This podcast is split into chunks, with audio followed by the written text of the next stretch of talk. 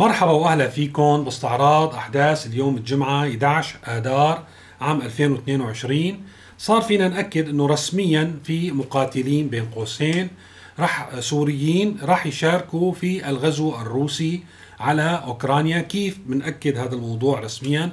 الحقيقة هو مشهد من عدة أجزاء راح نركبه سوا. كان في اقتراح لوزير الدفاع شويغو الروسي. بأن آه، يقبل أو تقبل روسيا آه، مشاركة المتطوعين من الشرق الأوسط للقتال إلى جانب القوات الروسية. قدم هذا الاقتراح إلى الرئيس بوتين يعني لأن تعرفوا في ديمقراطية فواحد بيقترح واحد بيوافق. قدم الاقتراح ووافق بوتين على الاقتراح إنه إذا في شباب يعني متحمس للقتال مجانا بجانب القوات الروسية فأهلا وسهلا راح نسهل وصوله للجبهات وحتى رح نزوده بالسلاح وفقا أيضا لمقترحات شويغو إنه في أسلحة عم نضبطها من آه، يعني آه، ما يتم آه، ضبطه أو مصادرته أو الظفر به من القوات الأوكرانية. هدول رح ناخذهم ونعطيهم لهالمقاتلين لحتى يوقفوا جنبنا. هلأ هي كانت الأمور إنه من الشرق الأوسط ما معروف من وين. ولكن في ناس فسرتها انه هدول مواطنين روس في الشرق الأوسط بده يرجعوا يقاتلوا جنب القوات الروسية. طلع المتحدث باسم الرئاسة الروسية وقال لا هدول ما روس هدول من سوريا يعني بشكل مباشر. فاذا اليوم عندنا تأكيد إنه في 16000 بحسب شويغو مقاتل بين قوسين من سوريا هن بصدد إنه يتجهوا إلى روسيا ويقاتلوا مع الجيش الروسي في أوكرانيا. يمكن هذا الدعم يلي أشارت له مستشارة الرئيس الخاصة آه، لونا الشبل وقتها كان تصريحاتها محط سخرية إنه نحن شو بدنا ندعم يعني روسيا. واتضح اليوم معنا إنه رح ندعمهم بالمرتزقة. طبعا هن ما رح يقاتلوا ببلاش وكنا بتقارير سابقة أشرنا إنه هدول المرشحين لحتى يذهبوا للقتال إلى جانب القوات الروسية. هن آه، بقايا جمعية البستان يلي كانت تابعة لرامي مخلوف وزيادة العدد الموجود اليوم بجيش الدفاع أو يعني بميليشيا الدفاع الوطني الموجودة في كثير من المناطق اللي استقرت فيها الأوضاع الأمنية والعسكرية. ما ضل لهم لزوم فإذا بده يحشدوهم ويبعثوهم لروسيا للقتال في أوكرانيا. وهيك بيكون نحن رسميا نشارك بالغزو الروسي على أوكرانيا ومن وراءها العالم الغربي والولايات المتحدة الأمريكية وكثير من دول العالم. وربما علينا أن نتحمل تبعات هذا القرار. على كل مثل الأحداث اللي عم بتصير الأحداث الكبيرة بتكشف قدامنا رؤية بتكشف قدامنا الرؤيه ل يعني سنوات أو عقود إلى الأمام، في ناس عم بيقولوا لي أنت مستعجل كثير بما يخص مستقبل روسيا الاتحادية مستقبل بوتين. طبعا أنا ما عم بحكي بكرة إنه رح تنتهي روسيا الاتحادية ورح ينتهي بوتين أو بوتين رح ينهي روسيا الاتحادية مثل ما بشار الأسد أنهى سوريا. لا أنا عم بحكي إنه الموضوع ممكن يطول عقود يعني ممكن يطول عقد عقدين ما بنعرف. ولكن هذه هي البداية. يعني نحن لازم نشوف شو عم بيصير لازم نشوف العقلية التي تدار بها آه، روسيا. الحقيقة إنه الأحداث أثبتت إنه في قواعد يعني لا يمكن تجاوزها. إنه أول شيء الدول لا يمكن يعني الدول لا يمكن أن آه، تحدث آه، تغييرات تعاكس أساس أو أسس بناء يعني لا يمكن مثلا لدولة اشتراكية أن تصبح رأسمالية أو دولة علمانية تعود مثلا لتصبح دولة دينية. دائما التغيرات لازم تكون في إطار التعديل وفي ذات السياق ب على ذات الأسس التي نشأت بها الدولة وهذا ينطبق على روسيا. اثنين إنه الموضوع إنه الدكتاتور بيضل دكتاتور بالنهاية إلا بده يجي يوم ويغلط. لأن هو حكم فردي. ممكن يختلف الموضوع بالمدة إمتى بيوقع بالغلط. ممكن يختلف الموضوع بالأعداء. هذا الدكتاتور كيف عم يحاولوا يوقعوه بحجم الطعم؟ لأن الدول الصغيرة ممكن الدكتاتور يلي على رأسها يوقع بطعم صغير. الدول الكبيرة بدها طعم أكبر. ولكن في النهاية بده يوقع ليش بده يوقع لأن نحن طبعا أنا سمعت أيضا في مقطع منتشر وبيروجوه حتى روسيا اليوم. بأنه الرئيس بوتين يعني أساس حكمه أو أساس هو إدارته للدولة مبني على الفطرة السليمة، يعني هو يعتقد أنه لديه الفطرة السليمة، هو كان عم يحكي بعدة مواضيع ولكن علميا هذا الكلام يعني هو هراء اليوم الدول تحكم بمراكز الأبحاث بالدراسات بالمستشارين بأصحاب الاختصاص. هلأ بنشوف نحن حتى في الولايات المتحدة الأمريكية يتم تعيين مسؤولين باتجاه معين. في خلاف بيصير بيستقيل واحد بيجي واحد بداله. في كثير من الناس بيعارضوا الرئيس وبناء عليه يتم تغييرهم ولكن الرئيس بحس بالمعارضة بيتم لفت نظره إلى مواقع الخطر. أما أنت لما تكون دكتاتور وقاعد يعني كان في مقال بالبي بي سي عن من يحكم روسيا بالإضافة إلى بوتين. فأنت بتشوف إنه شويغو رفيقه برحلات الصيد مما بعرف كم سنة. أمين عام مجلس الأمن القومي خدم معه بالسبعينات وكذلك جهاز الأمن رئيس جهاز الأمن آه، ورئيس المخابرات الخارجية. رئيس الأمن الفيدرالي آه، أيضا يمثل يدا قديمة أخرى في جهاز كي جي بي يلي هو الاستخبارات في عهد الاتحاد السوفيتي. فإذا هدول يعني هو بيجيب جماعته بيكون الأساس هو الولاء. لا بيكون أساس الكفاءة ولا بيكون أساس إنه القدرة ولا بيعتمد الرئيس على دراسات وحتى ولا على المعلومات أحيانا بيتجاوزها لأنه هو بيعتمد على الفطرة السليمة. هي طبيعة الدكتاتور. حتى في أمور الاقتصاد اليوم أيضا تكشفت الأمور إنه معظم ثروات روسيا بأيادي أصدقاء بوتين أو آه، أزلم بوتين يعني صبيانه مثل عنا نفس الشيء ولكن على يعني آه، خلينا نقول نموذج أكبر بكثير من بالحجم. فحتى كمان أيضا في قائمة بأثرياء آه، الروسيين اللي اليوم عم يتم استهدافهم ومصادرة أملاكهم و يعني تعطيل أعمالهم بيطلعوا هن أصدقاء لبوتين أو هن صبيانه في النهاية. فاذا هو يستحوذ على كل فإذا هو يستحوذ على كل شيء يستحوذ على كل هذه السلطة والقوة ويعتبر بأنه قادر على أن يدير بفطرته السليمة. هون الكلام يلي عم نحكيه بالقناة مانو إيديولوجي يعني والله أنا ليبرالي عم بستهدف الاشتراكيين. مرة ثانية إمتى ببين قوة النظام قوة الدولة قوة المؤسسات في الأزمات؟ وقت تكون كل الأمور يعني ماشية تمام وفي عملية نفخ لأن اتضح أنه حقيقة مصطلح اللي كنا عم نستخدمه ما بعرف إذا باقي متابعين من من غير دول آه، بي يعني بيعرفوه. هو الطنبرة إنه بمعنى إنه أنت توهم الآخر بأنه عظيم بأنه صاحب قدرات وبتدفشه لحتى يروح بطريق هو يدمر نفسه بنفسه. فهي عملية الطنبرة طلعت حقيقة سياسة دولية وكل آه، زعيم أو رئيس ديكتاتور على حجمه فإذا أنا أعتقد بأنه منذ سقوط الاتحاد السوفيتي وبداية حكم بوتين في عملية طنبرة لبوتين لحتى يوصل لهالوهم بأنه هو قادر على مواجهة العالم كله ووقت آه، توقع الأزمة وتوقع الفاس بالرأس بنشوف إنه هون بقى الغباء والحماقة في إدارة الأزمة. على سبيل المثال يوم أمس ذكرتها بشكل يعني عابر إنه الشركات الغربية والشركات الكبرى ما فينا نقول الغربية الشركات الكبرى يلي هي اليوم يعني أساس الاقتصاد العالمي انسحبت من روسيا. شو بيهدد بوتين؟ بتأميم هذه الشركات. يعني تخيلوا عوض ما آه، يحاول بشكل دبلوماسي يرجعها يحكي بلغة المصالح بيهددها بالتأميم. أنتم هدول طلعوا برات آه، روسيا وما عاد يهمهم وما بتوقع يرجعوا بعد هذه التهديدات. ماذا عن باقي الشركات؟ يعني أنتم تخيلوا بلد مثل روسيا رفعوا مرة ثانية هذا المصطلح يلي يعني آه، مثل ما بيقولوا آه، عدى عليه الزمن وفكرناه إنه صار من الماضي. بيرجع بشره بوجهنا إنه والله نحن بدنا نأمم هذه الشركات ونحولها لملكية القطاع العام. يعني أي ذكاء وأي يعني حكمة في مثل هذه القرارات. يعني منطقيا نحن هون الموضوع الحقيقة ما بحاجة كثير ل للنقاش وللدراسة. أنا بعتبر حالي مستثمر غربي في روسيا. عم شوف في تهديدات بتأميم الشركات. هلا ممكن يقول اللي انسحبوا ممكن يسحب على الشركات اللي ما اتخذت موقف أو اللي ما دعمت أو قدمت الدعم ربما حتى المادي للجيش الروسي. ممكن هيك يصير وفي شركات غير قادرة أن تفعل ذلك وبالنهاية سوف يعني تغلق أبوابها أو تمتنع عن الامتثال لمثل هذه القرارات والتصريحات. وطبعا في قرارات اليوم كثيرة تشبه القرارات التي اتخذت في سوريا فبالنهاية أنا بدي لا أنا ضب أغراضي وأنا أطلع. فاذا هو نوع هذا نوع من من التصريحات ما بعرف إذا بتتحول لقرار أو اشهار ورقة ستزيد الطين بلة فيما يخص الاقتصاد وهذا على كل المناحي.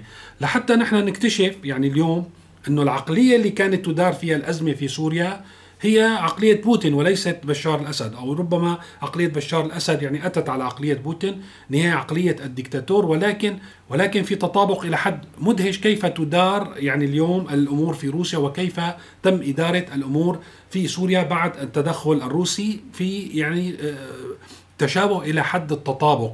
والأمثلة كثيرة على هذه العقلية. مرة ثانية الموضوع ما يحدث اليوم بين روسيا والغرب بين روسيا وباقي دول العالم. موضوع مهم كثير وله تأثير مباشر علينا في سوريا. نحن ما نسينا كمان في بعض التعليقات أجت إنه أنت نسيت الموضوع السوري. لا ابدا لأن نحن صرنا أشد الدول التصاقا امبارح. برهنت لكم على هذا الموضوع بروسيا. يعني نحن نتصرف كولاية روسية اليوم. وولاية روسية متطرفة. كيف في حمائم وفي صقور؟ نحن اليوم اتخذنا وضع الصقر الروسي في مواجهة العالم الغربي وبالتالي آه، التغيير اللي بده يصير على المدى القصير الأزمات على المدى القصير يلي بتصير في العالم وفي منطقتنا وفي رح تنعكس سلبا على سوريا. والرؤية اللي عم نحكي فيها عن يعني تغير وجه آه، آه، روسيا الاتحادية ونهاية بوتين شخصيا وحكم بوتين في روسيا هذا الموضوع له أثر علينا في المستقبل. فاذا نحن معنيين جدا بما يحدث اليوم بين روسيا وأوكرانيا وبالتالي بنشوف إنه مجموعة التصرفات اللي عم بتصير.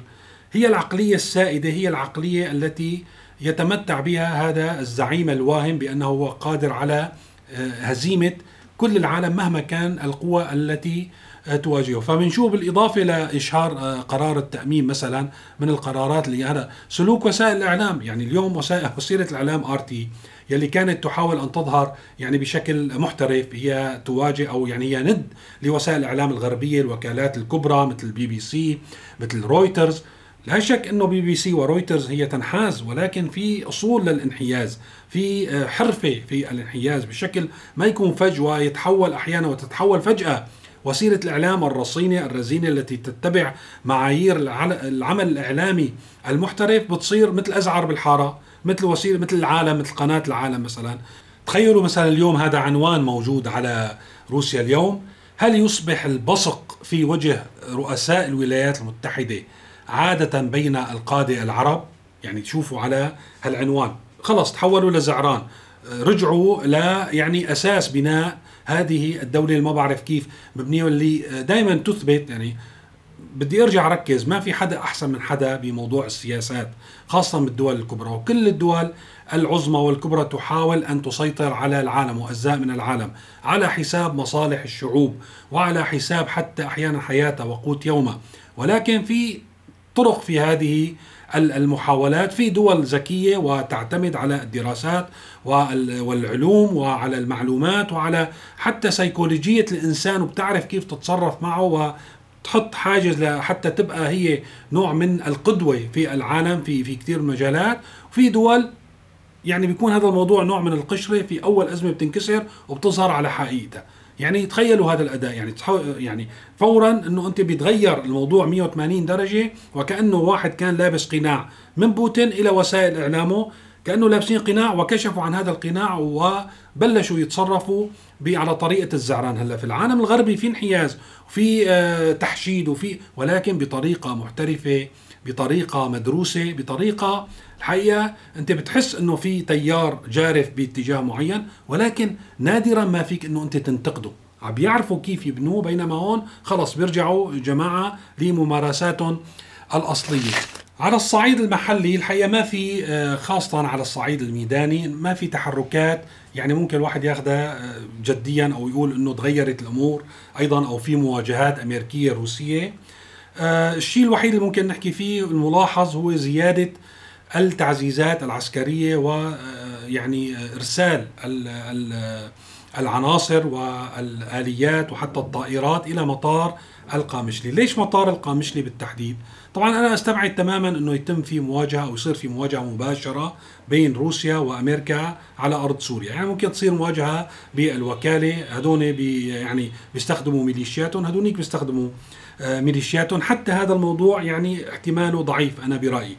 ولكن في مخططات في شيء يتم رسمه على الأرض السورية في مشروع تركي واضح بحسب المسؤولين الأتراك لحفظ أمن القومي التركي بإقامة المنطقة العازلة في الشمال. وهذه المنطقة تتضمن مدينة القامشلي. بالتعاون مع الولايات المتحدة الأمريكية يعني هذا أكيد. والتنسيق مع الولايات المتحدة الأمريكية المتواجدة بشكل أساسي في الشمال الشرقي. نقطة التمركز الوحيدة الروسية هي القامشلي. وجرت العادة يعني أنا حتى بفكر يعني صرنا نفكر فيها أنه حتى التواجد الروسي في سوريا كان توريطة ولكن هذا الموضوع بده مزيد من البحث والتأمل يعني.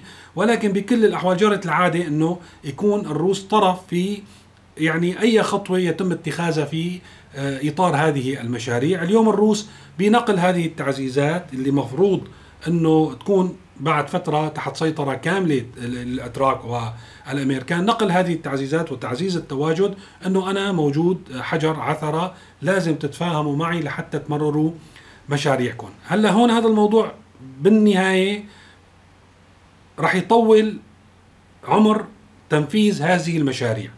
مين بيحسن بيستمر أكثر مين بيحسن بيتحمل الخسائر أكثر أكيد يعني الطرف الأمريكي مرتب أموره وحتى نوعية تواجده آه، تواجد يعني عناصر كقوات أمريكية لا تشكل شيء بالنسبة للتواجد الروسي. أمريكا عمليا اليوم لا تعاني من أي أزمة مثل روسيا.